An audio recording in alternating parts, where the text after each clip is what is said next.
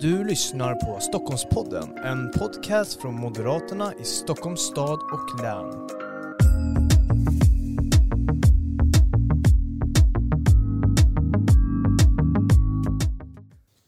Varmt välkommen till det här eh, avsnittet av Stockholmspodden. Vi gör en lite specialare nu när vi går igenom de propositioner som antogs på vår extra förbundsstämma i oktober det här året. Eh, det var ju tre stycken som antogs och idag ska vi prata om en av dem som handlar om trygghet. Eh, och med oss för att göra det har vi med dig Johan Forsell, varmt välkommen. Tack så jättemycket. Förbundsordförande här i Stockholms stad men också riksdagsledamot med fokus för rättsfrågorna. Stämmer bra det. Och Innan vi går in på själva proppen så vill jag ändå få dig att minnas lite kanske stämningen på, på stämman. Det var ju din första fysiska stämma som, som förbundsordförande. Eh, hur var stämningen?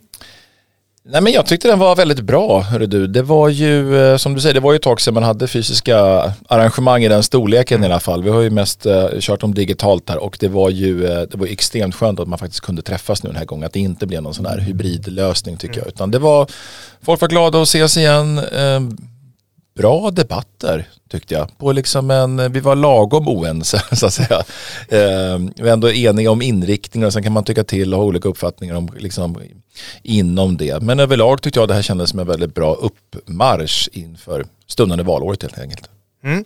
Och eh, det tog, antogs en hel del politik på det här. Precis som jag sa innan ska vi beröra den proposition som heter Ett tryggare och friare Stockholm eh, som du har varit med och skrivit. Eh, och liksom så här, jag har ju läst proppen nu eh, alldeles nyligen och det första inledningsvis så, så kombinerar du ändå det här med, med trygghet och frihet. Eh, varför gör man det?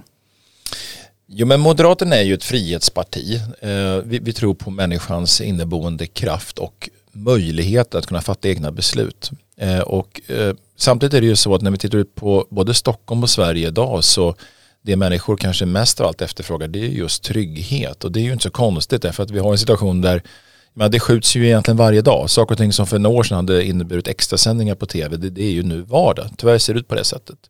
Och vår poäng och som vi försöker göra den här propositionen, det är att säga att trygghet och frihet står egentligen inte mot varandra, utan det är så att säga olika sidor av samma mynt. Är man inte trygg så är det väldigt svårt att känna en frihet och även det omvända. Alltså är man inte fri så kommer man inte kunna vara, vara trygg. Så att de där två begreppen, de, de behöver varandra och mm. Eh, därför så menar vi att just att vara tuff mot de kriminella gängen och återupprätta tryggheten, det är också ett sätt att faktiskt göra att människor kan känna större frihet i vardagen. Mm. Skulle du säga att det råder en trygghetskris i, i Sverige och i Stockholm? Ja, det skulle jag säga. Eh, vi ser ju tyvärr hur, hur många människor är oroliga eh, på ett helt annat sätt än tidigare. Alltså att man tvingas, eh, jag hade ett möte härom, häromdagen bara med olika företagare som berättar att de Alltså de, de, de, de anpassar sig för de här gängen och för kriminaliteten men det har nått en punkt där man inte riktigt själv reflekterar kring det längre. Det har helt enkelt blivit vardag. Och det är ju väldigt, väldigt smärtsamt att det ska behöva vara så i Sverige 2021. För att det här är inte det landet vi vill leva i. Vi kan så mycket bättre än det här. Mm. Och i den här proppen så går ni igenom en hel del vad som krävs för att eh, motverka den trygghetskris som vi har idag. Hur man ska knäcka de kriminella gängen och ni menar ju att man måste bryta de kriminella gängens makt. Eh, varför måste man göra det? Ja, men I grund och botten är det ganska enkelt. Alltså eh, om de kriminella gängen har frihet och tar sig makt, då gör de det på bekostnad av alla oss andra. Alla vi som försöker leva våra liv efter bästa förmåga och bara, bara vill liksom leva i, i frihet och inte bråka med andra.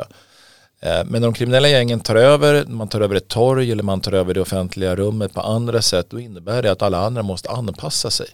Och det där är viktigt att förstå. Eh, och det är därför som här finns inget utrymme för kompromisser eller för daltandet eh, eller, eller, eller, eller där utan här måste man vara väldigt tydlig. Begår man den här typen av grova lagöverträdelser och tar sig friheter på andra människors bekostnad då måste rättsstaten och rättsväsendet på ett helt annat sätt än idag markera jäkligt kraftfullt mot det. Jag helt enkelt slå ned rättsväsendets hårda järnnäve med all kraft och faktiskt visa vem det är som bestämmer här. Vi är, vi är många fler och vi är betydligt starkare än de här gängkriminella som idag ja, leker kungar i olika bostadsområden och tror att allt tillhör dem. Det gör det inte alls det. De här områdena tillhör alla människor som bor där. Mm. Och för att knäcka de här kriminella gängens makt så radar ni upp en, en hel del i den här propositionen. Till exempel så vill ni ju angripa de här instegsbrotten. Eh, skulle du kunna berätta lite mer om det? Ja, tanken med det, det är ju att det är väldigt få som skjuter någon första gången man begår ett brott. Även om jag ska säga att tyvärr eh, så ser vi också att många av de här som begår de allra grövsta brotten, de är ofta unga. Alltså för några år sedan när man började, ja, de, de kan idag vara 16-17 år och det är ju en resultat av de här straffrabatterna vi har, att de har närmast har strafffrihet, därför så blir de utnyttjade av gängen. Men vad vi menar är att ofta har, det, har, har man inlett sin kriminella karriär, om vi nu kan tala om det här i karriärtermer, med att kanske bära vapen eller hålla utkik eller olika stölder, eh, rån etc. Och då är det ju så himla viktigt att rättsväsendet markerar redan där och då och sätter stopp för det här. Därför att vi vet ju att de som, ja till exempel de här ungdomsrånen vi har haft i Stockholm, det, det är i alla fall lite bättre nu. De personerna som begår den typen av brotten, det är ju de som kommer råna och, och spränga på våra gator imorgon. Mm. Jag tänker det här med, med man kan ju, om man ska vara lite kritisk, här med att borde inte fokus vara på, på skjutningarna? För det, det skjuts ju en hel del eh, istället för instegsbrotten. Tar man då resurs, resurser från att bekämpa skjutningarna, till exempel till att bekämpa ja, men cykelstölder, klotter och så vidare? Jo, det kan man ju tycka. Jag, jag tror att det ärliga svaret är att vi måste kunna klara av att göra båda sakerna samtidigt. Och det är inte bara det här. Det finns ju också en mängd andra brott som påverkar väldigt mycket människor väldigt mycket i vardagen som inte är kopplade just till den här liksom gängkriminella miljön. Mm. Ta, ta bara bostadsinbrotten till exempel som ju verkligen eh, verkligen också påverkar människor. Eller stölder av båtmotorer och, och hästsadlar som det skäls väldigt mycket runt om i landet av de här kriminella ligorna. Men vi måste ju ha ett rättsväsende vars kapacitet är dimensionerat efter hur landet ser ut och som kan göra två saker samtidigt. Och det, det är ju det som brister idag. Eh, människor betalar höga skatter, litar på att staten ska göra sin del av samhällskontrakten men staten sviker. Och då måste ju människor istället eh, sköta sitt eget skydd. Man sätter in hemlarm, man hyr in ordningsvakter och, och allt vad det kan vara. Men det ska ju egentligen inte behövas för människor har ju betalat skatt för att just få det här skyddet som staten idag inte ger dem. Och det är detta, precis detta som vi vill förändra och det är det som vi kommer att förändra om vi får chansen. Mm. De här instegsbrotten, när ni pratar om dem i propositionen så nämner, ju den här, så nämner ni ju den här broken window-teorin. Mm. Eh, kan du berätta lite mer om den? Går den att applicera på Stockholms stad? För den kommer ju då från New York där den har använts. Precis, alltså ursprunget är ju New York och det var ju en eh, en del i berättelsen om hur man gjorde eh, New York tryggare och mer säkert. Eh, New York var ju på 80-talet eh, känt just för hög mordstatistik, kriminella gäng som drog fram.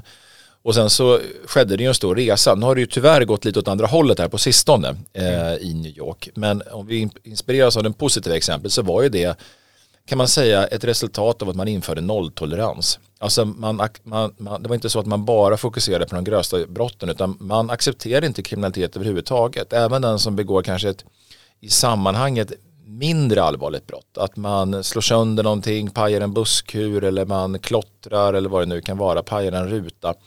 Man accepterar inte det. Och då lyckas man med två saker. Det ena är att man visar för de här personerna att kriminella handlingar det, det, får alltså ett resultat. Eh, det får en konsekvens från rättsväsendets sida. Man blir lagförd för det, man får böter, man kanske får villkorlig dom. Men det blir i alla fall en konsekvens. Det andra är ju att man förhindrar att det växer fram miljöer som förslummas, som inte är trevliga, där gatlyktorna inte funkar, där det, där det klottras och så vidare. Och då blir det också mindre attraktivt att fortsätta begå brott i de områdena. Så det var så att säga en dubbel vinst där. Så att jag tror verkligen att det här med nolltolerans är någonting som vi kan lära oss mycket av, eh, även i Stockholm faktiskt. Mm. Och eh, att bryta den kriminella gängens makt så vill ni också se över rättsväsendet. Ni vill stärka rättsväsendet och ni pratar ju om att det måste till nästan en systemförändring eh, för att stärka rättsväsendets muskler. Eh, skulle du kunna berätta lite om det? Varför behövs det en systemförändring? Men det är så här att Sverige är tyvärr det land i hela Europa som har störst problem med gängkriminalitet. Och det är det som är så bedrövligt. Alltså för några år sedan så kunde vi säga att Sverige sticker ut mot de andra nordiska länderna. Men det, vi har passerat det idag. Utan idag får man leta länder som vi normalt inte förknippar oss med för att hitta eh, jämförelser som är relevanta. Och då handlar det till exempel om skjutningar då. Mm. Så, och då är ju vår uppgift som politiker och som moderator att inte bara beskriva problemen utan framförallt ligga i, i lösningsdelar. Hur ska vi se till att det blir ordning på det här igen? Och då tror jag att vi har nått en sån punkt där det räcker liksom inte med att göra som man alltid har gjort och sen lägger man till 10%. Man förändrar något kommatecken här och var och så vidare. Det är ungefär som att man, man tänker att man springer ett lopp mot en person. Det är jättebra om man själv springer lite fortare men det hjälper inte om den man tävlar mot springer ännu fortare. Alltså man kommer fortfarande att tappa, eh, tappa terräng så att säga. Mm. Utan när vi säger att vi behöver ett systemskifte helt enkelt i rättspolitiken då menar vi att det handlar mer om att faktiskt börja med ett tomt papper och fundera kring vad är det som verkligen, verkligen skulle göra det riktigt svårt att vara kriminell i Sverige. Och då handlar det inte minst om att göra saker och ting som redan finns i de andra länderna. Det handlar alltså med visitationszoner, anonyma vittnen, betydligt fler poliser, kraftigt skärpta straff. Mer av den typen av alltså järva politiska förslag och kanske lite mindre av det här att ja, men vi, vi tillsätter någon utredning och som inte landar i så mycket men ja, vi, vi gör som vi alltid har gjort helt enkelt. Det kommer inte fungera, tiden för det är förbi.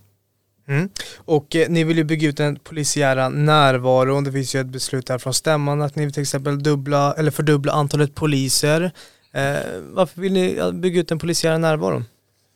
Jo, därför att grunden är, i det här arbetet är ju att det finns poliser som kan lagföra de kriminella när de begår eh, kriminella gärningar. Och hur man än vrider och vänder på den här frågan så är det så att vi, vi har en väldigt omfattande polisbrist. Och det går så att säga inte att kompensera för det med fler ordningsvakter, i alla fall inte fullt ut.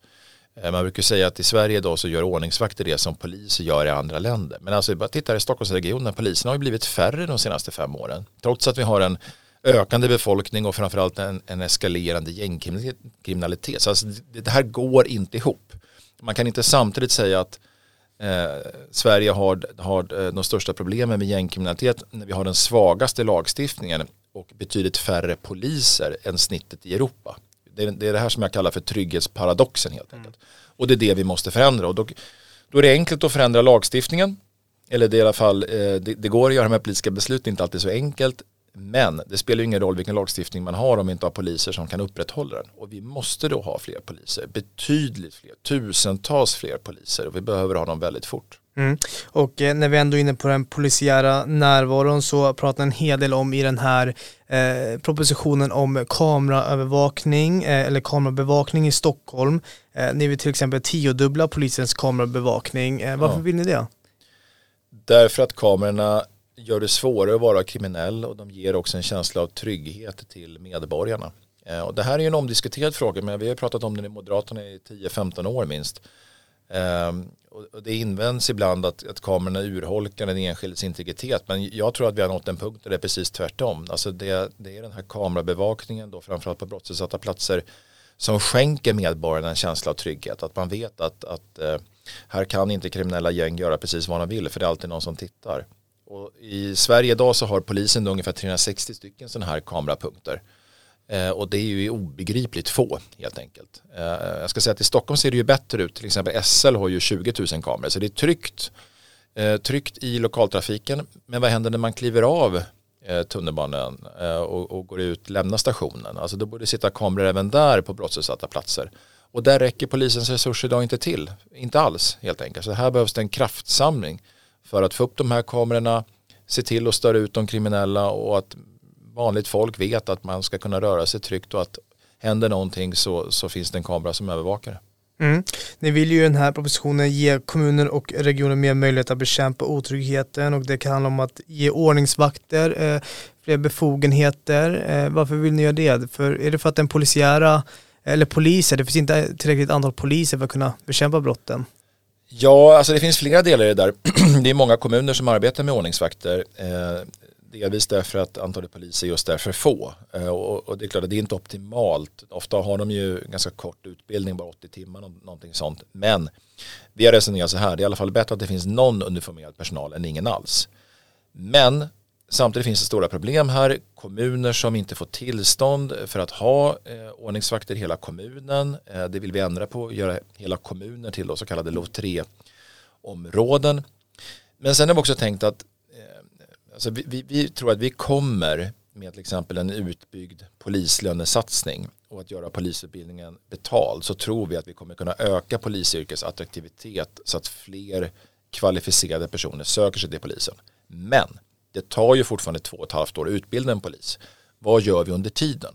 Och då tror vi att, eller vi vet att det finns många uppgifter idag som poliser gör som istället skulle kunna utföras av andra. Till exempel transportverksamheter. Det hade väl varit utmärkt om man hade kunnat lägga det på ordningsvakter. Så hade man kunnat avlasta polisen så kan de göra det de egentligen vill, nämligen gripa, eh, gripa bovar helt enkelt. Så att det är också ur det perspektivet som vi menar att man behöver se över den här lagstiftningen. För att helt, helt enkelt se till att kunna använda våra poliser till mer kvalificerade saker, sånt som, sånt som de borde göra redan idag egentligen. Mm. Det är ju frågan om hur långt eh, kommunerna ska behöva gå när det kommer till trygghetsarbetet har ju varit väldigt diskuterat i och med den trygghetskris som vi har just nu. Hur resonerar du där eh, när det kommer till hur mycket kommunen ska, ska lägga sig i trygghetsarbetet? Tar det stopp någonstans? Kan man inte gå längre och liksom staten måste ta över det? Så jag tror att kommuner kan göra väldigt mycket. Men samtidigt så sker det ju nu en tycker jag, en glidning i samhällsdebatten av en regering som naturligtvis är hårt pressad på grund av sakernas tillstånd som inte har levererat, de här sju åren eh, under ledning av eh, Morgan Johansson då som ju egentligen har misslyckats med det mesta han har företagit sig. Eh, och vad de säger just nu det är ju att ja, men nu får kommunerna fixa det här. Nu är det kommunpolitiker som ska stoppa skjutningar och sprängningar. Och det är ju en helt, det är en helt ansvarslös hållning. Alltså, även om kommunen kan göra mycket, låt oss komma ihåg att rättspolitiken är ju ett statligt ansvar. Det är bara staten som styr över polistilldelning. Det är staten som ansvarar för att, eller som stiftar lagar till exempel. Det gör vi ju i Sveriges riksdag och inte i, i kommunfullmäktige runt om i landet. Så att i grund och botten är det här ett statligt ansvar. Det är till och med den viktigaste uppgiften för just staten att se till att skydda medborgarnas trygghet.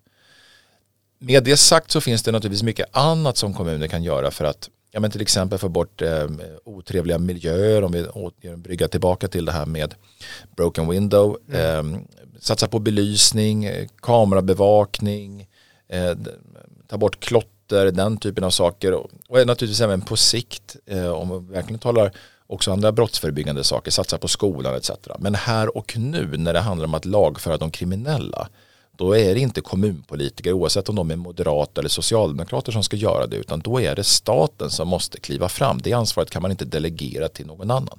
Mm.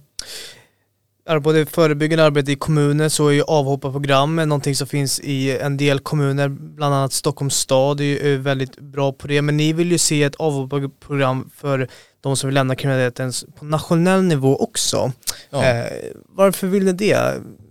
Jo men det, alltså vi har ju så vi har ju tusentals personer i de här kriminella gängen. De är, de är för många helt enkelt. Det är för många som attraheras av det här gängkriminella livet som tror att de kan hitta en framtid där. Eh, men vi ser också att det är många som faktiskt vill lämna och det är ju väldigt bra därför att jag menar, varje person som lämnar gängen är ju också en person mindre som kan ställa till med nya sattyg och skapa nya brottsoffer och, och allting som för det här kriminella livet för med sig. Men vi vet ju också att det är inte så himla lätt att hoppa av. Jag har talat med flera gängkriminella. Det där blir ju som en dödsdans eh, i de här världarna. Och då behövs det att man jobbar målmedvetet och fokuserat med att just kunna erbjuda en, en väg tillbaka så att säga.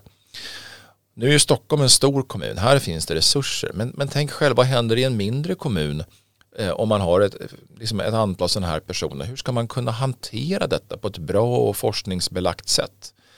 det är ju väldigt märkligt då att olika kommuner ska jobba på helt olika sätt. Alltså för att man inte delar information eller man, man, har inte, man vet inte vad som fungerar bäst helt enkelt. Därför vill vi då se en, en statligt, ett statligt drivet sånt här exitprogram som tar hit de bästa modellerna, som ser till att genomföra det på ett bra sätt, som utvärderar det, som sprider kunskap etc. Alltså, därför att det här problemet är så mycket större än att varje kommun ska lämnas eh, vind för våg helt enkelt.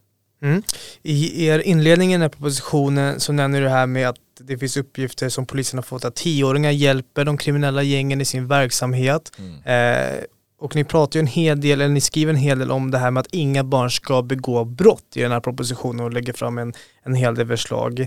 Eh, på kort sikt så lägger ni fram till exempel det här med straffskärpningar eh, för unga.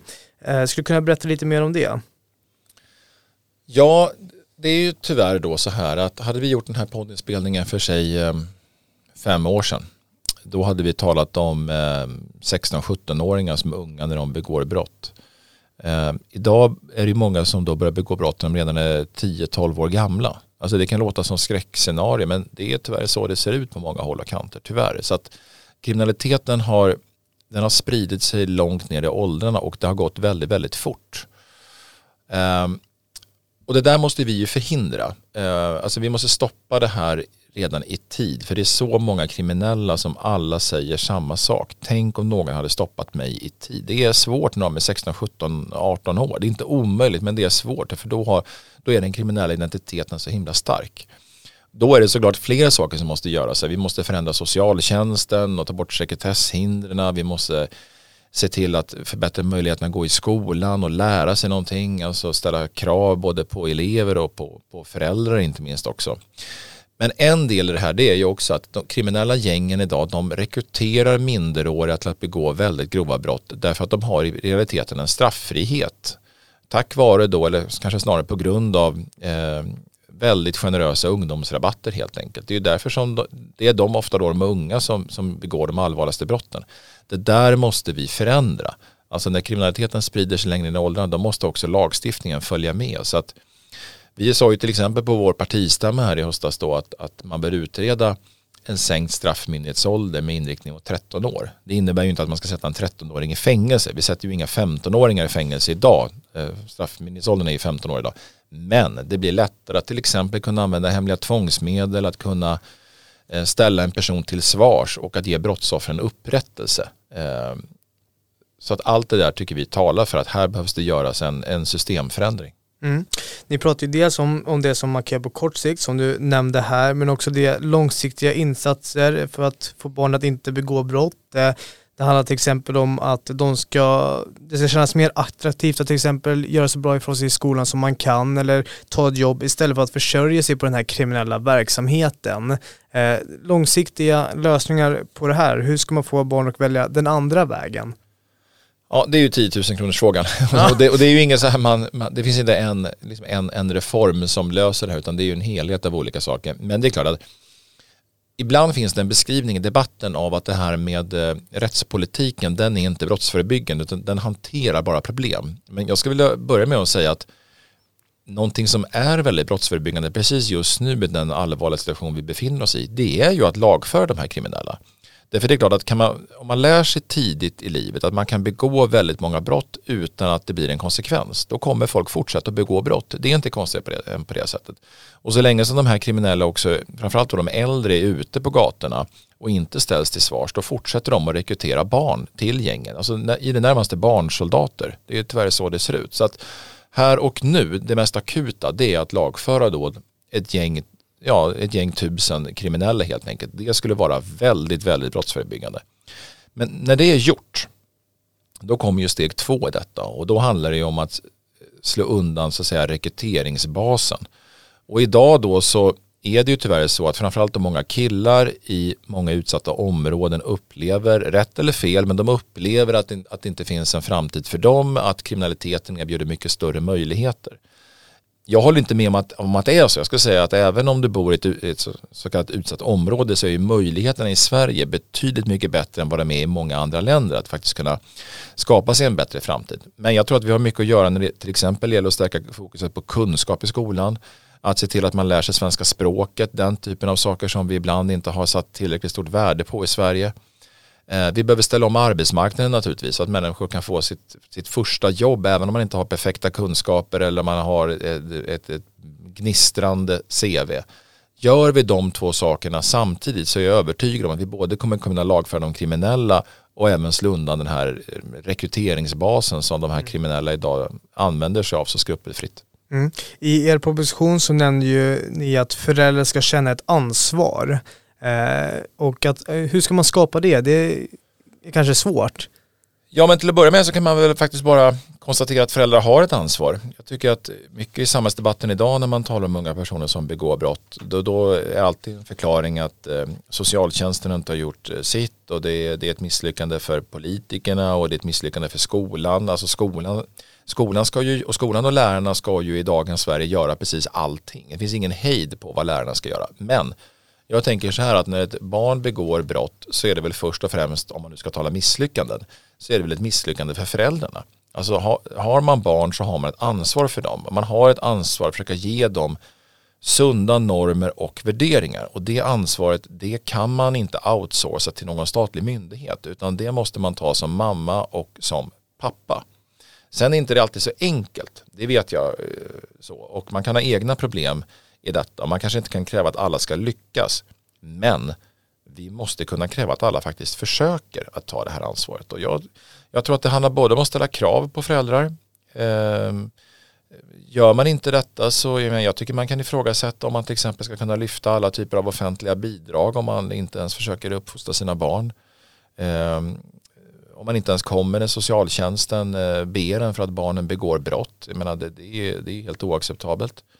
Men sen kanske också ge alltså, ja, i det närmaste morötter, alltså föräldrautbildningar kanske. Det är inte alltid så lätt, eh, kanske inte alltid det är så lätt att vara förälder heller. Man kommer från en annan kultur. Att vara förälder där är någonting helt annat än i Sverige. Så att, ja, både piska och morot om man kan använda uttrycket. Mm. I er proposition så nämner ni också trygghet i hemmet. Eh, eh, kanske har, har, att göra med det här med att eh, känna att föräldrarna har ett ansvar. Eh, ni vill bland annat eh, ge socialtjänsten möjlighet att registrera nedlagda orosanmälningar på personnummer. Ni vill ju också förstärka skyddet för den som blivit utsatt för våld i nära relationer. Eh. Ja men det är lite på samma tema, alltså mm. att socialtjänsten idag ska kunna komma in tidigare och kunna vidta mer kraftfulla reaktioner. Och jag tror att det här är ett väldigt bra exempel. Jag, jag, tror att vi behöver inte en förändrad socialtjänstlagstiftning här utan vi behöver förmodligen en helt ny sån. Därför det, alltså, min bild är att av personer som arbetar med de här frågorna i socialtjänsten idag det är att det är motiverade och, kunniga medarbetare som vill väl. Men det är ju någonting helt annorlunda att hantera en, en tjej som mår dåligt eller en kille som skär sig i armarna med en grovt gängkriminell 16-åring som inte tvekar att skjuta någon annan. Det är helt olika världar och, och då dagens lagstiftning är helt enkelt inte anpassad för det. Eh, I stort och i smått. Bara en sån sak som de här sekretesshindren som finns eller att, att väldigt mycket av arbetet är baserat på frivillighet. Det kanske fungerade en gång, en gång i tiden i Sverige men Sverige 2021 är någonting helt annat och då krävs det just en, en, en, som jag sa, en genomgripande förändring för att hantera de här problemen. För att jag tror att det finns ett fönster nu. Gör vi rätt saker så kan vi vända den här utvecklingen. Men vi ser ju också att all internationell erfarenhet visar att om man inte hanterar problemen i tid och de biter sig fast då blir det väldigt jobbigt att, att bryta mönstren helt enkelt. Så det är därför som det är viktigt att vi får inte slösa bort mer tid nu. Det räcker. Nu måste det inte bara vara en massa ord om att saker och ting är oacceptabla och att, att det inte får hända igen. Det som framförallt krävs nu det är ju politisk handling. Mm. Och med det sagt så avslutar vi nu det här poddavsnittet. Stort tack Johan Forsell för att du tog dig tid. Tack själv. Och stort tack till dig som har lyssnat. Om du vill läsa proppen i sin helhet så finns det på moderaterna.se Stockholm och där finns även en sammanfattning över de antagna besluten från stämman. Tack så mycket.